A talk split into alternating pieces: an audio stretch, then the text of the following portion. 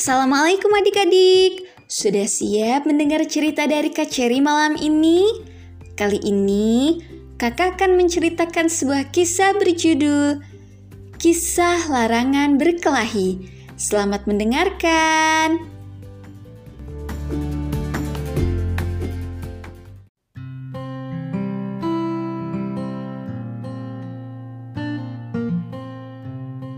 Kisah tentang larangan memukul. Anak-anak kelas 1 di sebuah sekolah dasar tampak berhamburan ke halaman sekolah. Sedangkan anak-anak kelas lain sudah terlebih dulu berbaris dengan rapi. Ya, hari itu adalah hari di mana pemenang lomba 17 Agustus akan diumumkan. Tak heran, mereka sudah tidak sabar ingin segera mendengarkan pemenangnya diumumkan. Apalagi nanti pemenangnya akan mendapatkan hadiah-hadiah menarik. Salah seorang murid yang juga tak sabar menunggu pengumuman tersebut adalah Zaza. Dia sudah terlebih dulu baris paling depan. Dia adalah pemenang lomba makan kerupuk. Tentu nanti namanya akan dipanggil untuk menerima hadiah. Tapi Tiba-tiba saja Rara mendorongnya dengan keras hingga Zaza pun terjatuh. Hei, mengapa kamu mendorongku? Kata Zaza marah.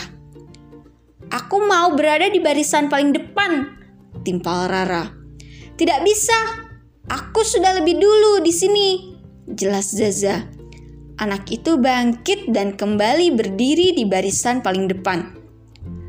Pokoknya aku yang mau paling depan, teriak Rara ngotot. Lalu ia pun mengayunkan tangan ke pipi Zaza. Plak! Pukulan yang keras itu mengenai wajah Zaza. Melihat adanya keributan, Bu Guru segera datang untuk melerai keduanya. Rara pun segera dibawa ke mahkamah sekolah. Di sana, Bu Guru menasihati Rara bahwa memukul adalah perbuatan yang tidak baik. Memukul itu perbuatan kejam yang dibenci semua orang.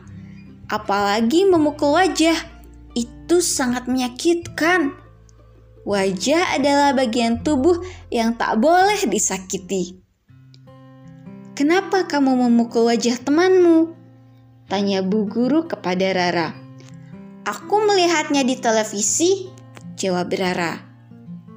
Mungkin saat itu Rara melihat tayangan di salah satu stasiun televisi yang memperlihatkan adegan berkelahi. Tetapi sebenarnya tayangan itu hanyalah sandiwara belaka.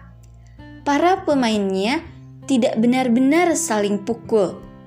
Tetapi kadang anak-anak tidak memahaminya karena mereka menonton acara yang sebetulnya untuk orang dewasa.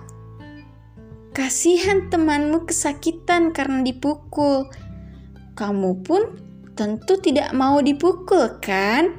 Ucap Bu Guru. Lalu, Bu Guru bercerita tentang kisah di zaman Rasulullah. Ibnu Umayyah memiliki seorang pegawai laki-laki. Suatu hari, pegawainya itu berkelak dengan seseorang.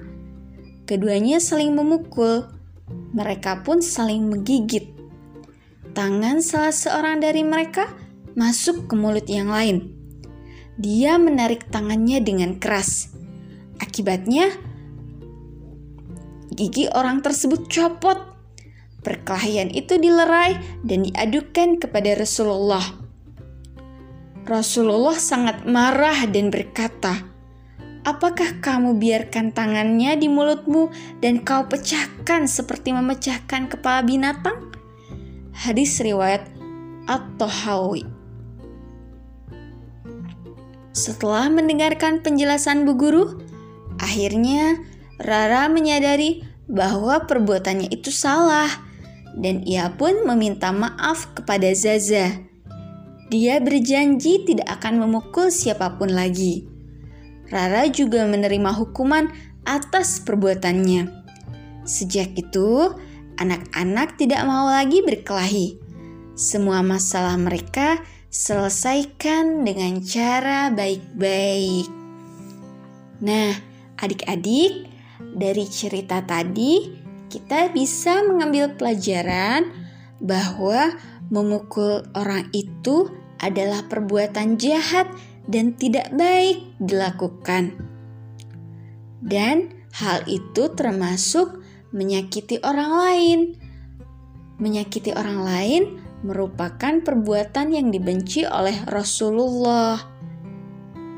Selesaikanlah masalah dengan cara yang damai, karena berkelahi bukanlah memecahkan suatu masalah, namun menambah permasalahan baru.